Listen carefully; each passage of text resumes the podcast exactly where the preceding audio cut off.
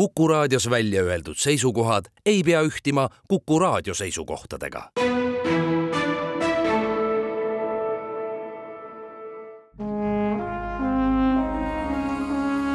Vanemuise veerand. Vanemuise veerand alustab. tere kõigile kuulajatele.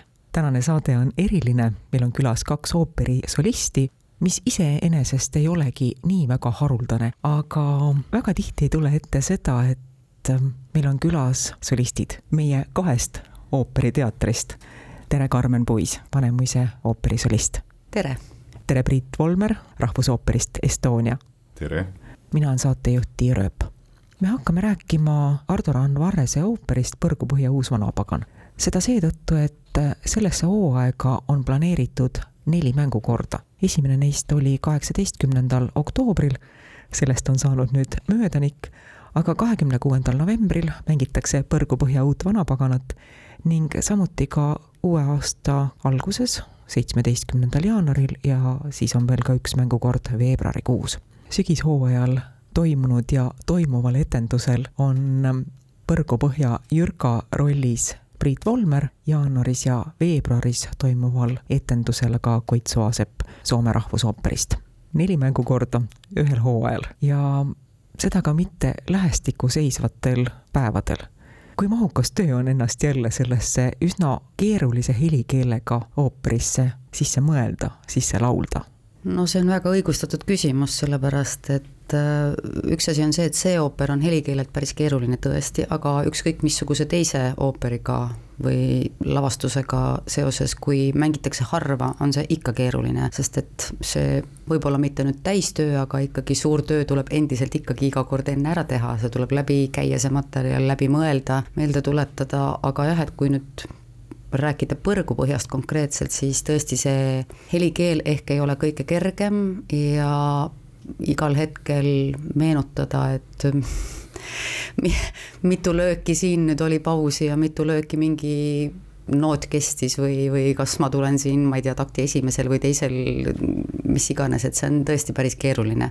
aga ütleme niimoodi, et me oleme siiski ju seda ala väga pikalt õppinud ja ka harrastanud, ehk siis see tähendab seda, et meil on teatav kogemus ja, ja ma kujutan ette, et me isegi kui võib-olla kõik alati välja ei tule, me petame ikkagi ära aga jah. jah, me oleme nagu sprinterid, et eh, kahekümne nelja tunniga põhimõtteliselt eelmine päev hommikul-õhtul proov ja siis järgmine päev kohe etendus, et selline veidike puusalt tulistaja tunne on, aga, aga muidugi nagu Karmen ütles, et see töö, individuaalne töö hakkab ikkagi enne juba ja mis ükskord nagu omandatud on, seda õnneks on ikkagi lihtne taastada, et ta kuskil siin ajusoppides on juba see partii olemas ja, ja tuleb ta lihtsalt nagu värskendada ja, ja sealt õigest sahtlist õige partii välja võtta. Just, võib-olla mingil hetkel keeruline on see, et kui neid, ütleme, et hea küll, hooajas neli, aga kui siis need kaks ja kaks oleks kuidagi nagu rohkem lähestikku, oleks kindlasti lihtsam. et praegu meil jääb ka nüüd peaaegu kuuajane vahe, mis tähendab seda, et enne järgmist etenduskorda on kindlasti ärevus suurem, et, et tahaks, jah, see on lihtsalt mingi, mingi, mingi selline lisa, lisanärvipinge siis muidugi on, aga noh, samas, kas see on halb, ma isegi ei oska öelda. Muidugi Põrgupõhja partituur on niivõrd äh, rikkalik, et kui meil ka midagi juhtub või orkestris, siis tegelikult inimesed sellest aru ei saa ja, ja eks no. me peta ära, aga, aga üldiselt juhtub väga vähe jah, sest et me, sest, sest me ikkagi üritame anda maksimumi oma parima sellel hetkel, mis parasjagu pakkuda on, et me, ma arvan, et meie, kuidas ma ütlen siis, enesekontroll või see õigesti teha tahtmine on nii suur, et me ikka pigem püüame maksimumi alati loomulikult. pelgan, et järgmine küsimus tuleb peamiselt sulle, Karmen, aga nii. ma loodan, et ähm, Priit, sa leiad ka, mida vastata sellele küsimusele esimesel hooajal oli Põrgupõhja Jürka puhtalt Koit Soasepa nägu. teisel hooajal tekkis Põrgupõhja Jürkale ka Priit Volmeri nägu. kui palju need kaks Põrgupõhja Jürkat sarnanevad või erinevad? see tegelikult on päris keeruline küsimus, sellepärast et äh, vot eks me artistidena, vähemalt mulle niimoodi tundub, me lähtume alati ikkagi rolli loomisel iseendast ja oma natuurist. ja mulle muide, selles mõttes on hea küsimus, ma mäletan, kui Priit tuli proovidesse ja sa natuke mingisugusel hetkel, vaata Koit on selline suur ja sina oled oma tüübilt ja oma füüsiliselt hoopis teistsugune ja Vilpu sulle siis ütles, ehk siis Vilpu Kiljunen, lavastaja, ütles, et ära püüa teha seda, mida Koit teeb, et lähtu täiesti sellest, missugune inimene sa ise oled ja mismoodi sina seda lahendaksid. ja, ja mulle see tegelikult väga-väga meeldib, sellepärast et me tõesti olemegi, kui noh, me oleme sageli ju rollide peal kellegagi koos tulebki lähtuda iseendast ja enese impulsist, sellepärast et see lõpuks on kõige õigem. Ja see on kõige ausam ja ma arvan, et ka publik ostab selle kõige paremini ära, aga vastuseks sinu küsimusele, ma ei oska öelda sarnasust või erinevust, jällegi Koit ja Priit on nii erinevad ja nad mõlemad teevad erinevalt hästi. ja minu meelest on nad mõlemad väga-väga usutavad jürkad ja see on ülitore ja ma arvan, et samas jällegi vaatajale selles mõttes põnev, et tulge vaadake kahte koosseisu ja näete võib-olla mingis mõttes kahte erinevat lugu, aga võib-olla ka mingis mõttes mitte, sest et lugu tegelikult Tammsaarel on ikkagi üks ja sama.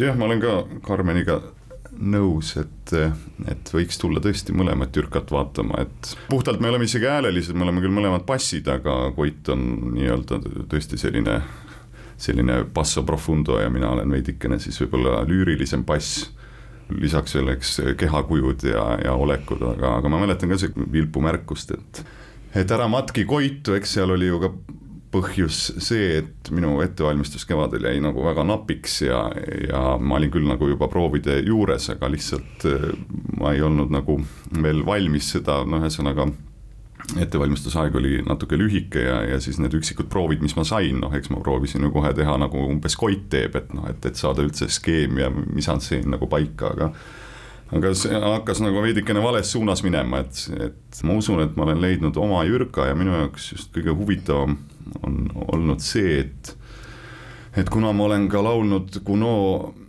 Faustis Mephistot ja nüüd siis Ardo Randvarrese ooperis Vanapaganat, noh tegelikult nad on üks sama tüüp peaks olema, aga nad on kardinaalselt erinevad, nad on täiesti uskumatult erinevad ja just seda oli huvitav avastada, et ütleme, Mephisto jah, oma olekult ütleme, on selline mängur ja, ja kes tuleb ja, ja ahvatleb ja, ja tuleb nagu mängima, siis Jürka on, on päris, tema ei mängi, temal on missioon ja see Jürka ausus ja siirus, ta tõesti usub, ta tahab saada õndsaks, ta usub, et ta saab õndsaks, samas ta teab, et ta on vanapagan, eks, aga ta tuleb inimesena maa peale, et see Jürka siirus ja ausus, et seda ise uskuma hakata, see on nagu üliinimlik siirus tegelikult, mis temas on.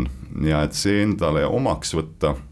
ja, ja ma loodan, et see on nagu kuidagi vast õhkub minust ka siis nii-öelda publikule ja, ja, ja kui mina usun, siis ma arvan, et ka kui mina jäägitult usun, siis ma loodan, et ka publik usub. kindlasti. sina, Karmen, oled üsna nappi aega laval. Lisette rollis oled ja kes ei ole vaatamas käinud, kellel ei ole ka Tammsaarega värsket lugemiskogemust, siis võib talle tunduda, et äkki ooperi autor on süüdi selles, et Lisette nii vähe aega laval on. ei, see on kõik Tammsaare süü. see kõik on Tammsaare süü. Sa oled väga meeldejääv. karakter ongi väga meeldejääv, sest et et ta on selline no mingis mõttes võib-olla ka jällegi üle vindi ja ekstreemne, mida ma võib-olla tahaks ära märkida, mis mulle väga meeldis äh, kogu selle lavastusprotsessi juures üleüldse, mulle väga meeldis, et Ardo oli mõelnud algusest peale mitte eestlasest lavastajat Tammsaaret lavastama või noh, ütleme Tammsaare põhjal kirjutatud ooperit lavastama, et ta võttis selleks või kutsus siis Vilpu Kiljuneni, kellel minu meelest äh, kõige paremas mõttes puudus aukartus selle Tammsaare tüviteksti vastu. Ja ta lubas meil täiesti mitte nüüd kontrollimatult, aga, aga sedasi mõnuga lustida ja lõbutseda et äh, kõige paremas mõttes, et need karakterid joonistada välja, ma mõtlen ka näiteks Kaval Ants või noh, Ants on nagu väga, võib-olla üldse mitte selline, nagu üks õige eestlane kujutaks ette, milline see Ants peaks olema, või siis ka noh, Lisette, et filmist me kas või mäletame, milline ta oli, kuigi samas ma pean ütlema, et see Vanemuise lavastuse Lisette, mida, kui ma õigesti mäletan, mängis Liis Bender, no tema oli ka selline päris värvikas tegelane ikkagi siiski pigem, et, et selles mõttes jah, tõesti see karakter on meeldejääv, sest et seal on, seal on, mida mängida. et ta ei ole nutt ja hala ja kannataja ütleme siis nii.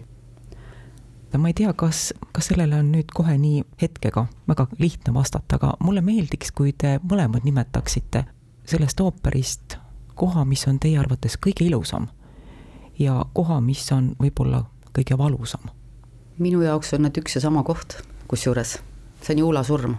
see on absoluutselt minu vaieldamatu lemmik, ma nii palju, kui ma proove vaatasin, Priit, sina võib-olla nii palju kõrvalt ei näinud isegi, aga see on, minu jaoks on see koht, mis alati toob tegelikult pisara silma. see kuidagi, see valu on sinna sisse niimoodi kirjutatud, aga samas see on kuidagi helge. et see on nagu nii ilusasti kirjutatud kaks täiesti vastandlikku asja on nagu selles mõttes koos, et see on tohutu kurbus, aga samas see on nii, see on nii ilus, kuidas Jürka ja, ja Juula hüvasti jätavad, et noh, mul tuleb praegugi kergelt meeleliigutus peale selle peale.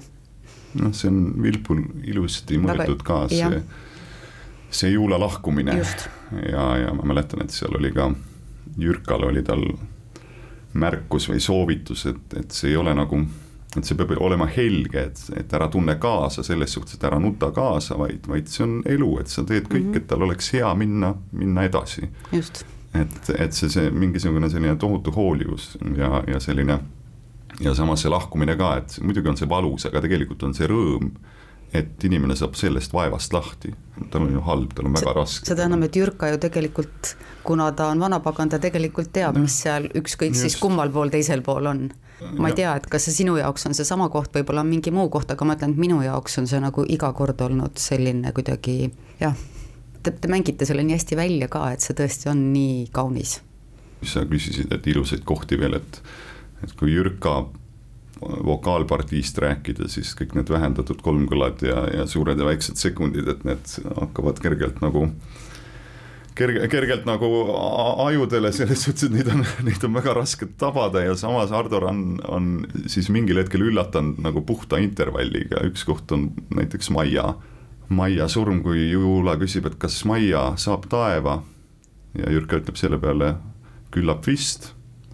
Ja usu, siis saab vot seal on muusikas täiesti mingisugune pisikene, ma ei tea, kümme sekundit, aga see on hoopis teine kõlavärv järsku, et et au ja kiitus Ardo Rannile, kes on siukseid, siukseid üllatusi ikkagi, ikkagi sinna ooperisse sisse kirjutanud. jah, sest minu meelest selles ooperis väga palju ongi sellist äh, ma ei oskagi öelda sellist, sellist muusikat, mis väga hästi iseloomustab kuidagi olustikku, mingeid karaktereid mingisuguses hetkes, et see on ta tõenäoliselt ei ole kerge kuulata ja kindlasti ei olnud teda kerge õppida ja meelde jätta ja õigesti esitada nüüd, et see kõik läheks ikkagi pihta. aga, aga et seal just on äh, kuidagi seda see helikeel võimendab minu meelest seda lugu nagu mingisuguses mõttes väga-väga palju. ja ka lavastus, et nad kõik lavastus, käivad ikkagi, astuvad ühte jalga ja, ja eraldi võttes võib-olla jääks midagi puudu, aga, aga iga asi no et eks täpselt samamoodi, et tegelikult kogu selle Tammsaare narratiivi saab ju selle looga kätte, et mitte, et ma tahaks nüüd kooliõpilasi ärgitada, et tulge ooperisse, sellepärast et siis te raamatut ei pea lugema, aga põhimõtteliselt saab selle terve loo kätte väga selgelt, mida küll ma tean ka heideti ette, et miks see nii lihtsalt on, et oleks võinud olla võib-olla kuidagi libreto mingil, mingil moel teistmoodi, aga minu meelest on see nagu hea, sest et see inimene, kes tuleb saali, ta tegelikult saabki päriselt selle Põrgupõhja loo kätte. mina tahtsin just kiita libretisti mm -hmm. Kristi, Kristi Klopetsit, et ta on ikkagi Sama. väga oskuslikult nii-öelda kokku pannud selle. päris, päris ikkagi väga tuumaka ja sisuka ja. romaani nii-öelda siis kolme tundi või mm -hmm.? jah, ja, ja, ja lihtsasti jälgitava, kergesti ja, aga, jälgitava. aga, samas ta ei ole lihtsustatud. ja just nimelt täpselt, et ta ei ole lihtsustatud. et ta jätab väga tervikliku mulje ikkagi Ardo Raan Varrese ooperit Põrgupõhja uus vanapagan mängitakse sel hooajal veel kolmel korral. esimene neist kordadest on kahekümne kuuendal novembril, siis veel üks etendus jaanuari ja üks veebruarikuus. saatejuht Tiir Ööp tänab külalisi, aitäh, Priit Volmer! aitäh ja kohtume teatris! aitäh, Karmen Puis! aitäh kutsumast ja tulge ooperisse! aitäh kõigile teile, kes te meid kuulasite, jälle kuulmiseni! Vanemuise veerand